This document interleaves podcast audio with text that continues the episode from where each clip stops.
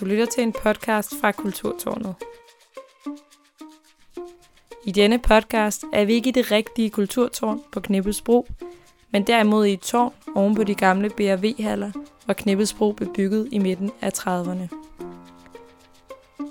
Anders Morgenthaler er gæst til en samtale, fordi han har startet en ny friskole på Amager, den grønne friskole, hvor børn laver alt fra at opfinde fastfood-krydderier til cykler, der kan producere strøm.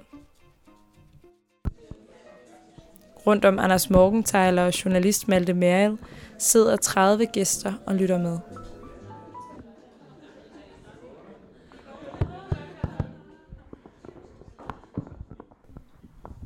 Nu lyder det til, at Malte er klar til at byde velkommen. Velkommen til øh, Kulturtårnets begivenhed og til Anders Morgenthaler, øh, som er kommet forbi i dag. Og øh, lige nu er det jo ikke det rigtige kulturtårn, vi er i. Lige nu så er vi i det andet tårn, som faktisk er her, hvor kulturtårnet på Knibbelsbro, altså et af de to grønne irede brotårne på Knibbelsbro, er blevet bygget i øh, 20'erne, hernede under i BRV-værfterne, eller i en af de andre bygninger her, er det blevet bygget, og så er det blevet skibet over til Knibbelsbro, sat op der, og øh, nu står der så de her to flotte grønne tårne på Knibbelsbro, som vi øh, rigtig gerne vil have til at blive til kulturhus. Det ene af dem i hvert fald. Vi er glade for, at I er kommet alle sammen.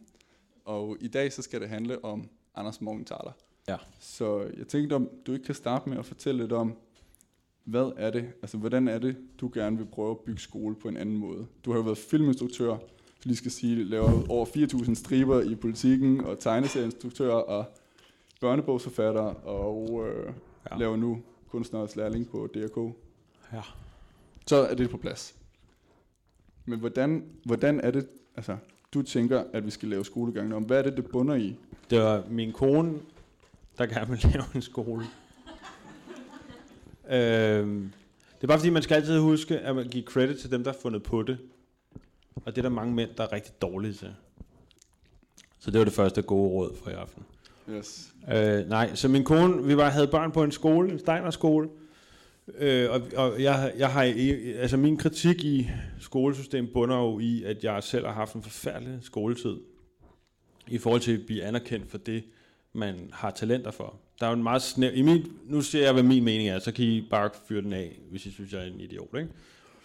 Øhm, den måde, vi har indrettet skolesystemet på, er, at hvis man ligesom skal være meget generaliseret, så passer det til de 50 procent.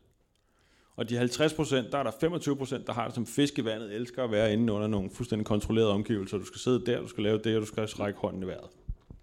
Det er meget generaliseret, men stadigvæk sådan er det.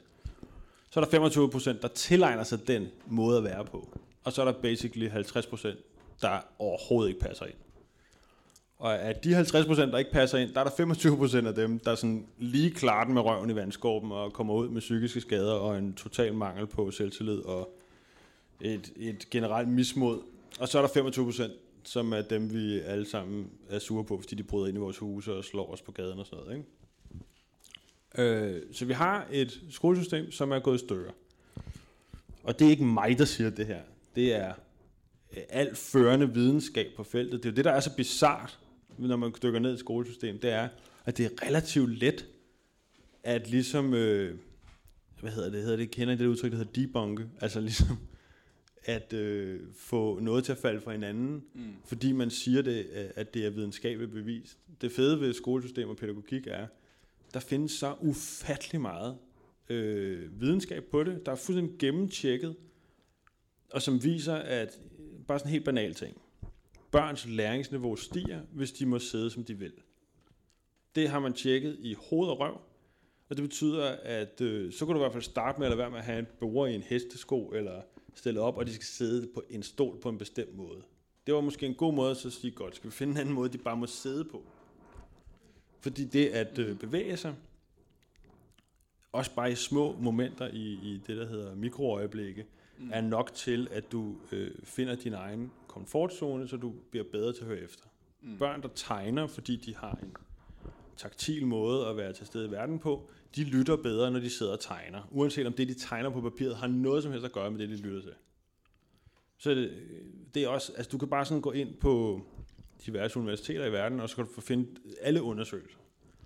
Og det vil sige, at al den måde, vi laver skole på lige nu, er bygget på ideologi omkring nogle øh, meget øh, ideologiske grundlag, som ikke har noget med videnskab at gøre. Det er jo fint nok, hvis man gerne vil have en ideologisk grundlag at bygge det på. Det er fint, det gør bare det, men det har ikke noget at gøre med det, som øh, øh, hvad hedder det, forskningsfolkene øh, har fundet ud af på pædagogik og skole og læring.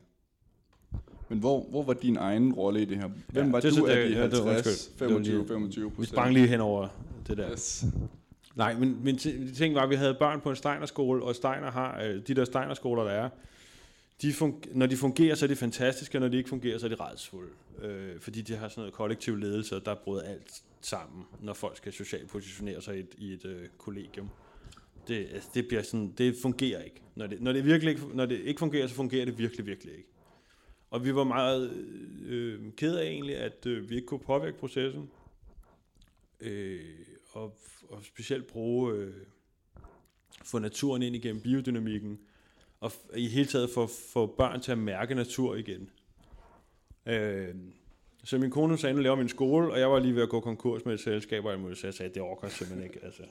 Øh, øh, så det orker jeg ikke, det må du sgu selv om. Det må du selv klare. Mm. Og så har jeg en kone, der har sådan en t-shirt, hvor der står, så gør det bare selv.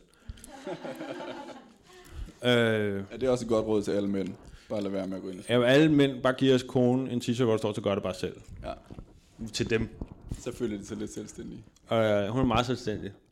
Og så gik hun i gang med sin øh, veninde, som sad i bestyrelsen på den der skole.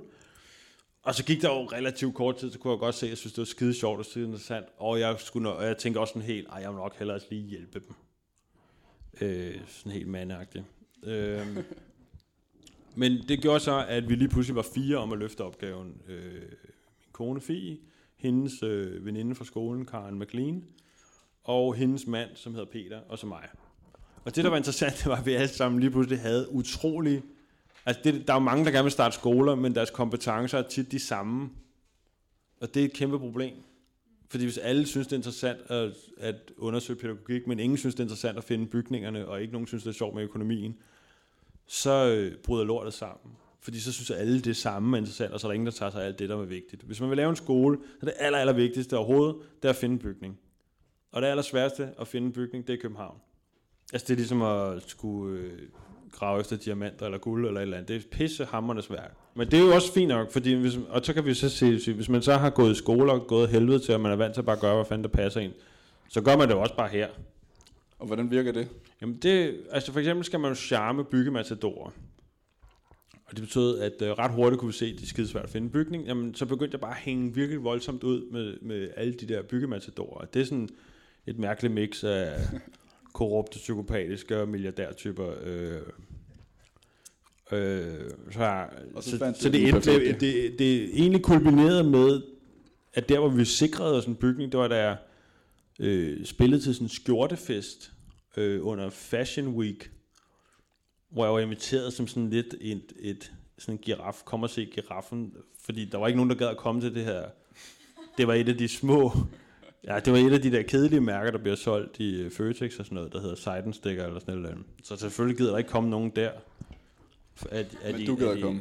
Jeg var, jeg var ligesom tvangsindlagt, fordi at øh, ham, der afholdt festen, han ejede alle bygningerne.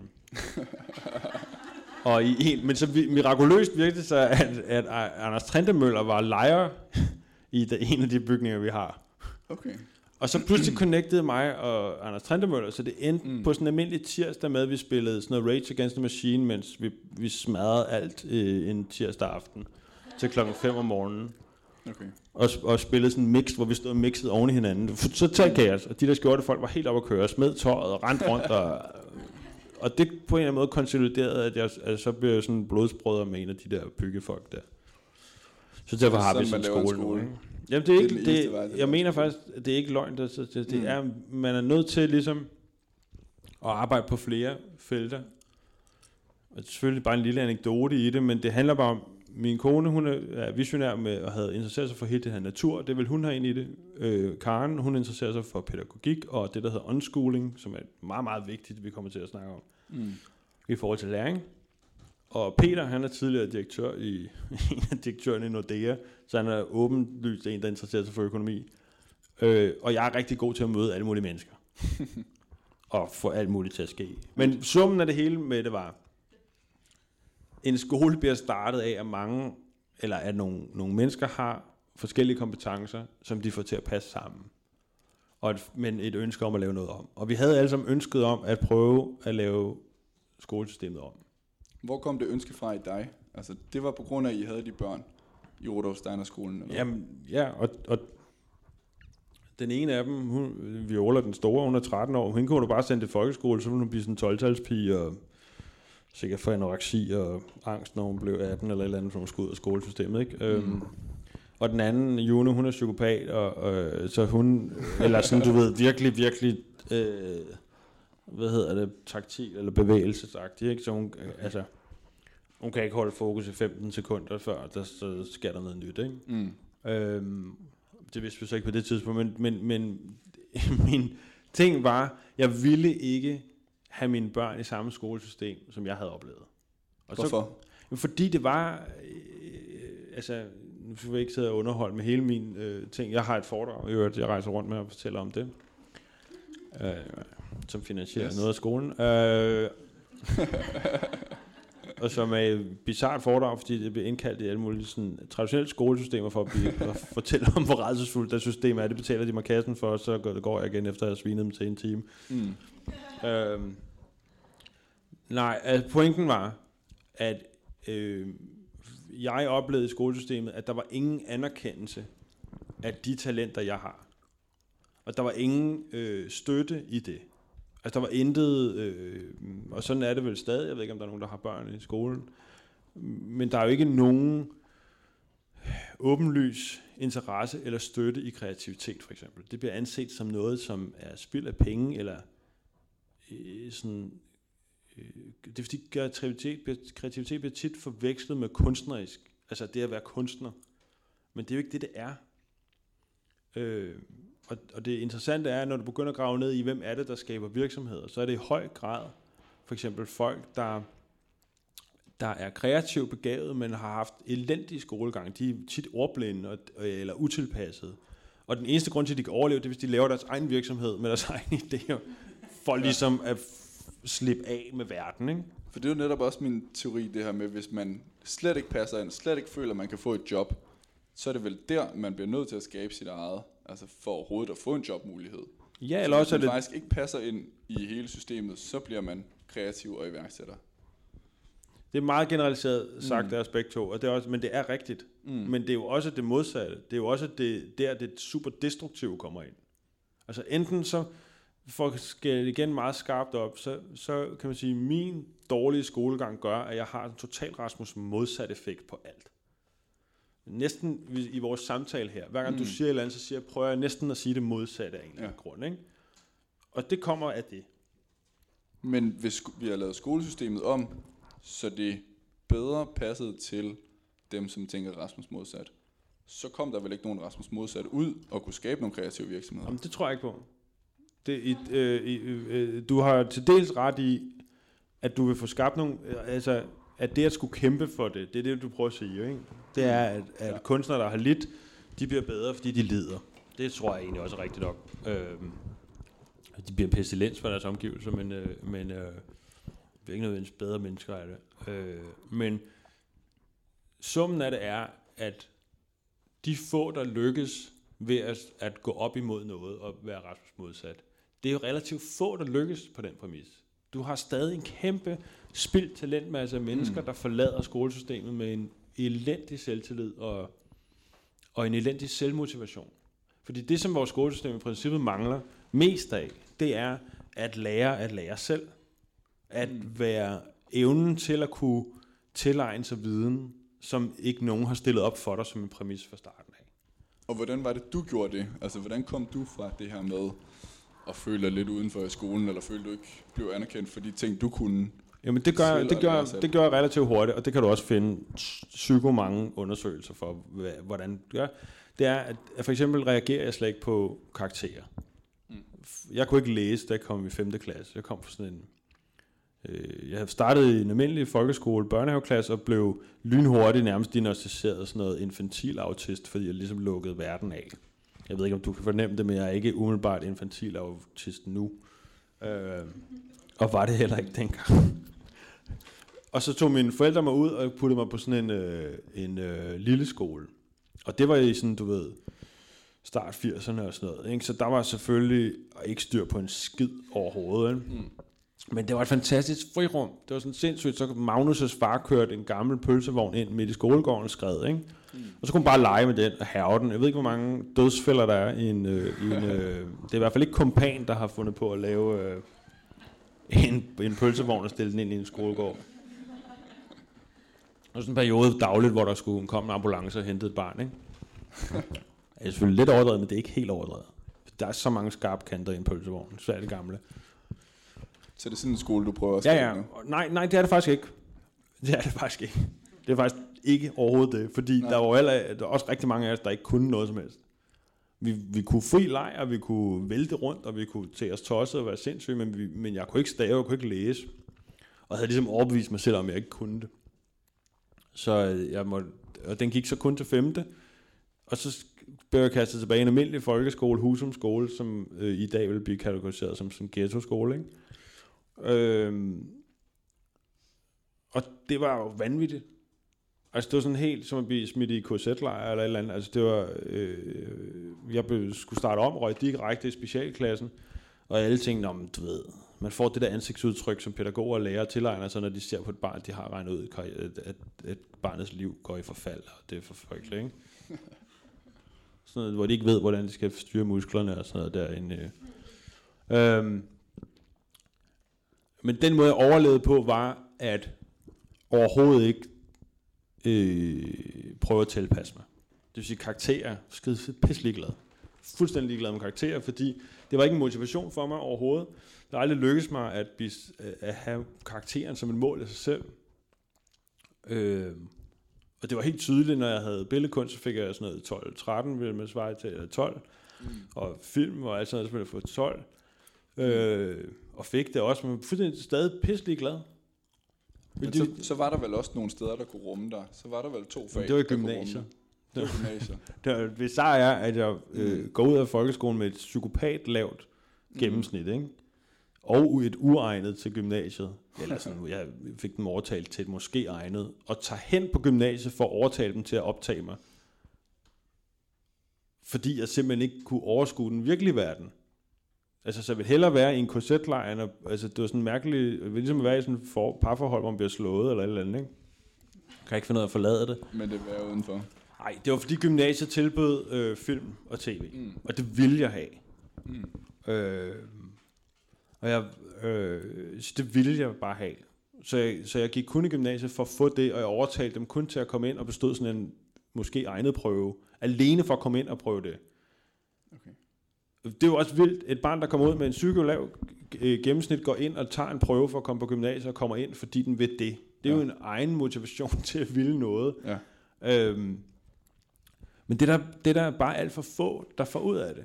Fordi de fleste børns nysgerrighed at nu snakker vi igen, husk vi snakker om de 50%. Vi snakker om de 50%, der fungerer. I kender alle sammen 50%, der fungerer, har det skide godt. Deres mor og far synes alt er skide godt.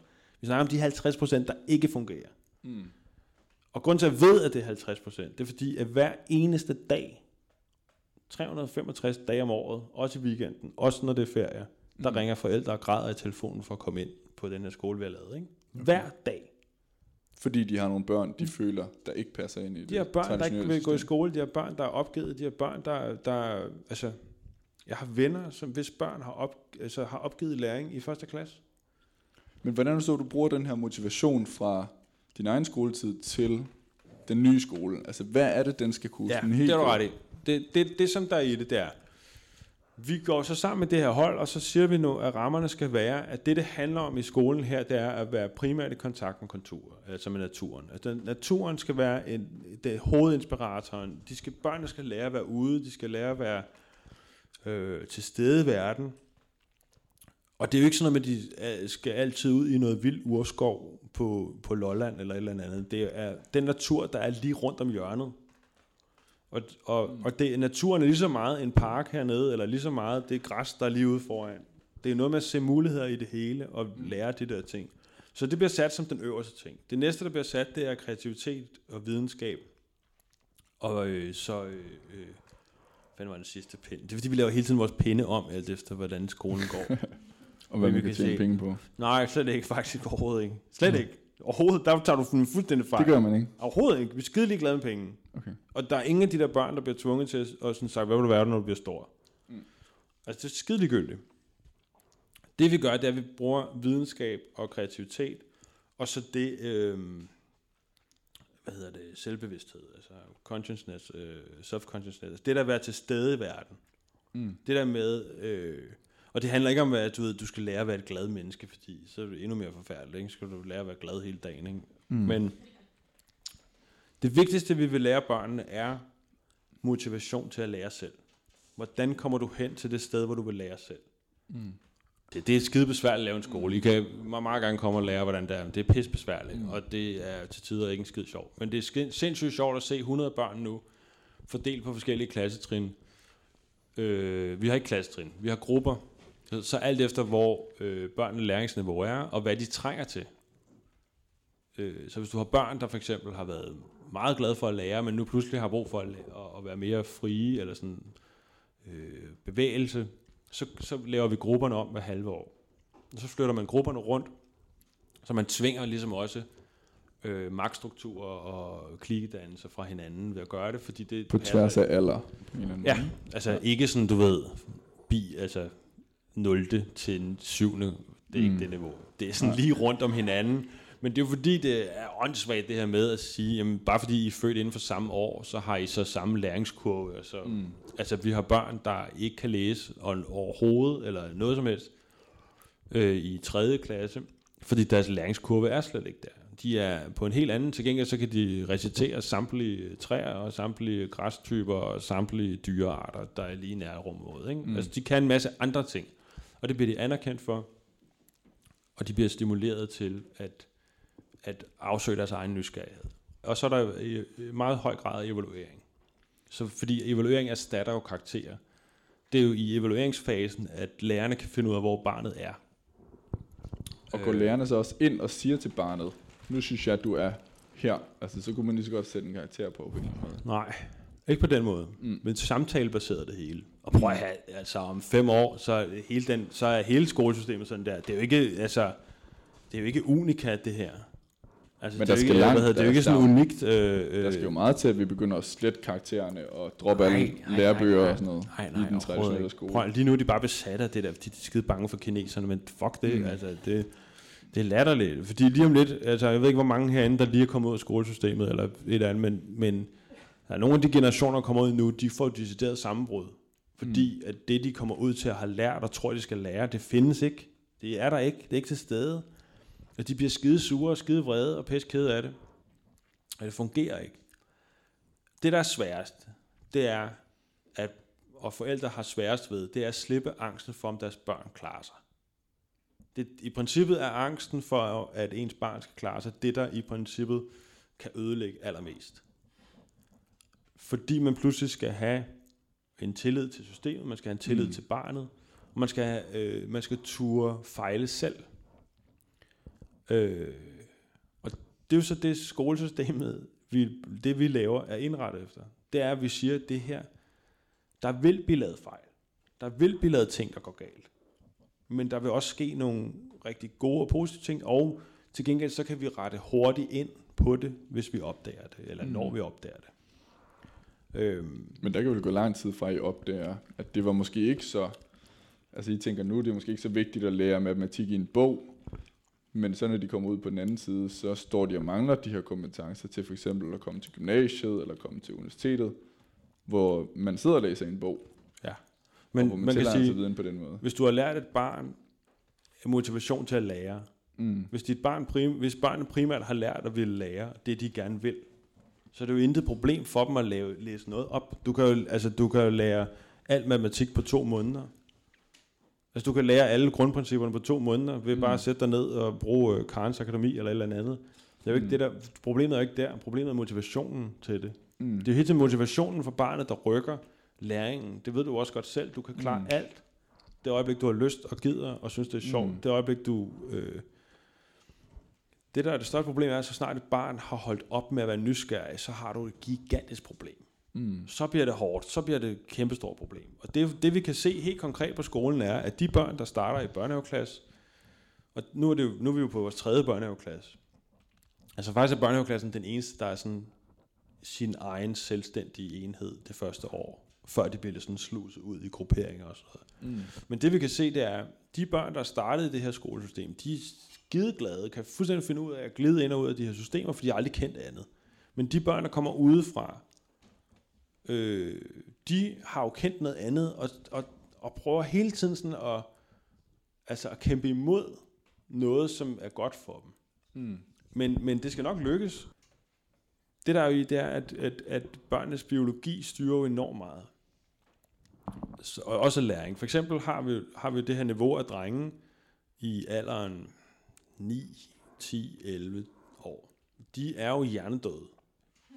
Altså, og, og helt videnskabeligt er der, er der så meget af deres hjerne, der foregår, deres udvikling af deres krop, som foregår på en anden måde end piger, så de er jo nærmest ikke modtagelige for viden.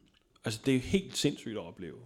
De er sådan reptilagtige i forhold til der, deres piger, og jeg siger det både sjovt, men jeg siger det også fuldstændig reelt. Og du kan jo godt mm. huske det. Ja. Du kan godt huske det, da du var 10 år, at du pludselig ser de her piger, der stak af, og, og sådan pludselig mm. var komplekse, og du selv sad og prøvede at stikke en Lego-klods op i røven, eller eller andet. Ikke? Altså, det er sådan, det er sådan helt, mm. det er sådan bizarre ting. Så, så sådan noget, man må også anerkende. Øhm, så du kan, du kan, og det er sådan en gammel slidt ting, du kan ikke lære et barn noget, den ikke vil lære. Men jeg ved jo også, at det, hvor jeg virkelig har lært noget, er, når det har været hårdt. Altså når jeg har siddet og knoklet med noget, jeg virkelig ikke gad aflevere. Og så er en kæmpe tilfredsstillelse, når jeg har siddet og læst de der tykke bøger, og knoklet mig igennem det, og så jeg endelig trykker aflevere.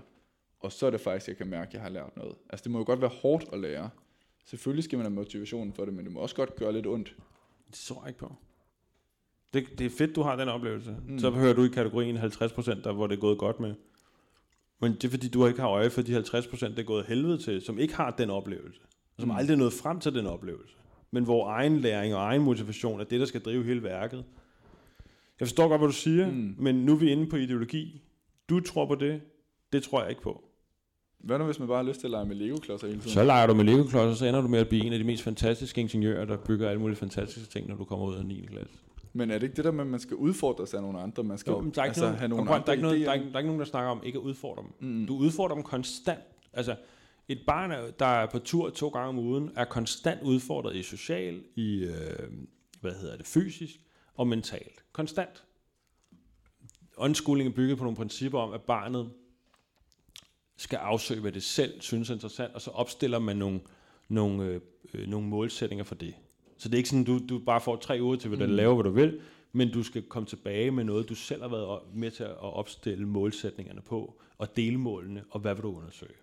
Så hvis jeg synes, det er mega fedt at lege med Lego, så kommer I at stille nogle mål for, at jeg skal bygge en... Nej, vi siger til dig, så må du fortælle os, hvad er det, du gerne vil opnå med det her Lego? Hvad er det, der skal ske mm. i det her Lego? Hvad er det, du vil gerne nå frem til? Mm. Så siger du, jamen det gider jeg ikke. Så siger vi, det duer ikke. Det er ligesom Adam, der skal bage en æblekage.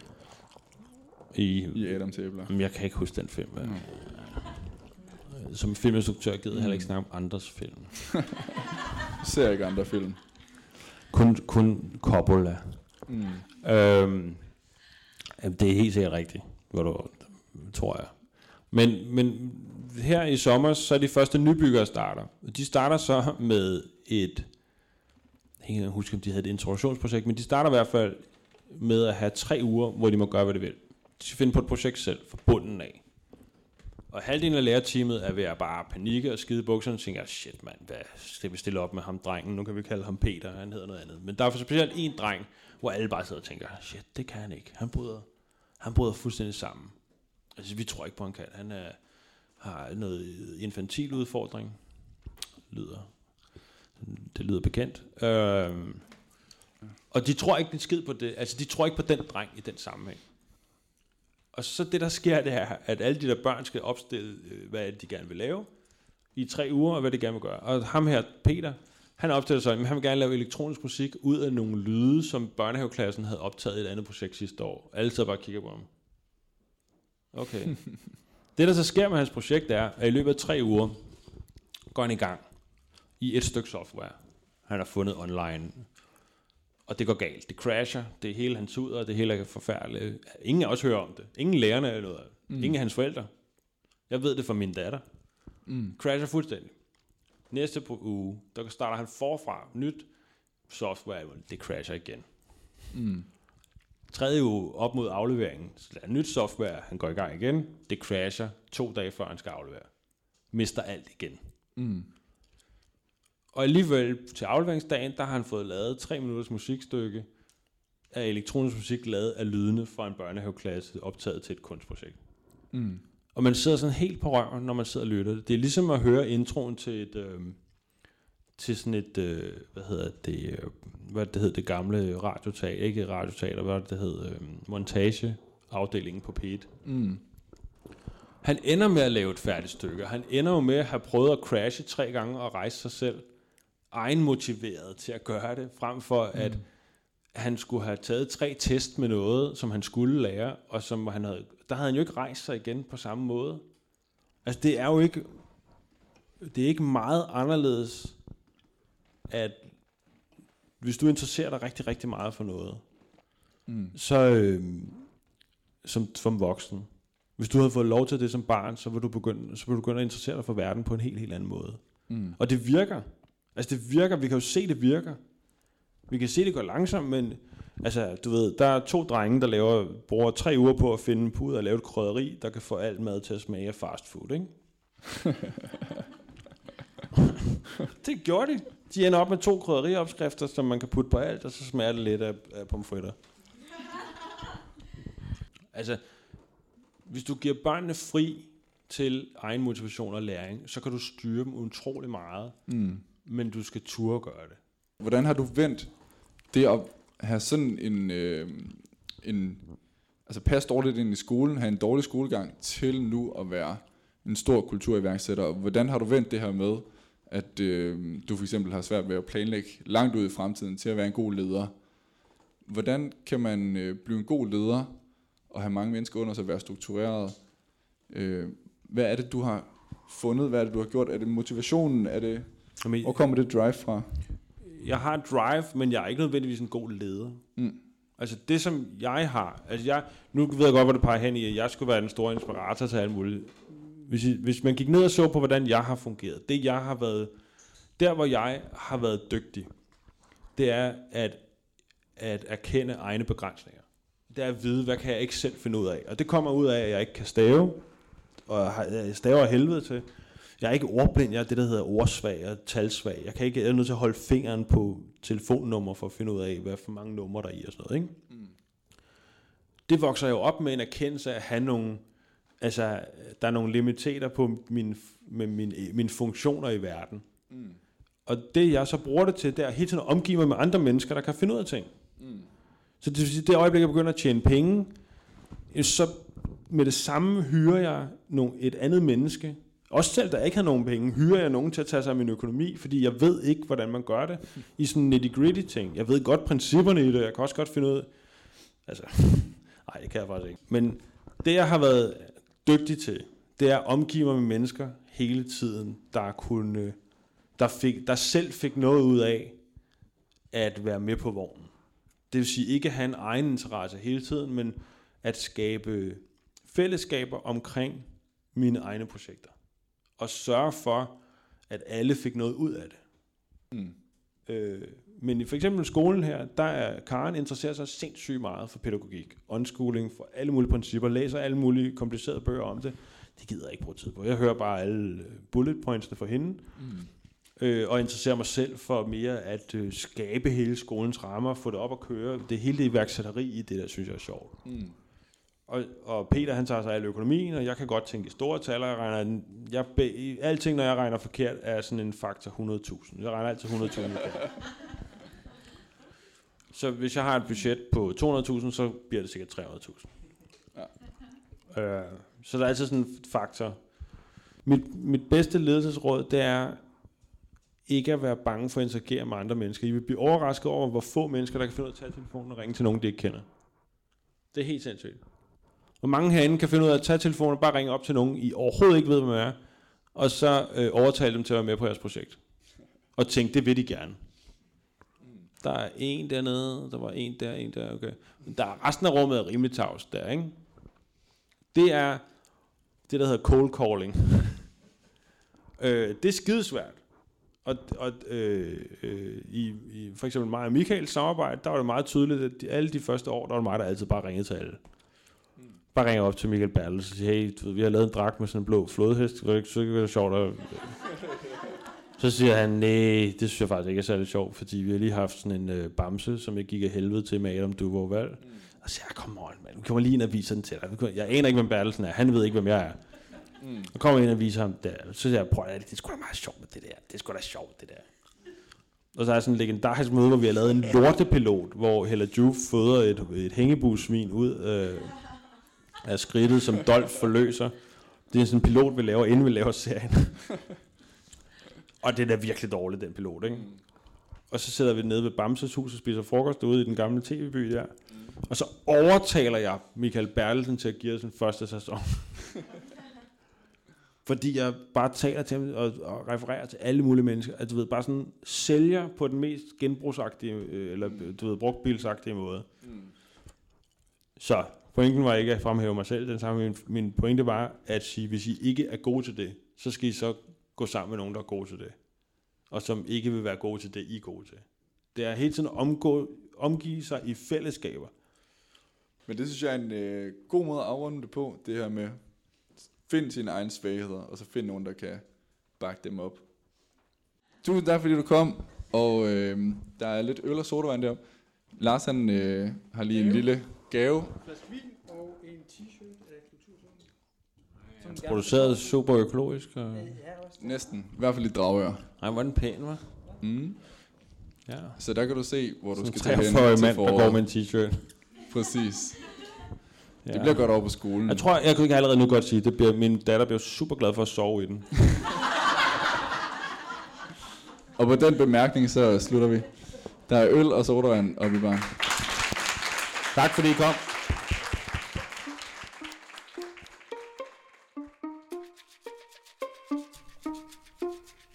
Du har lyttet til en podcast fra Kulturtårnet. Det er os, som sidder i det irgrønne tårn på Knibbelsbro.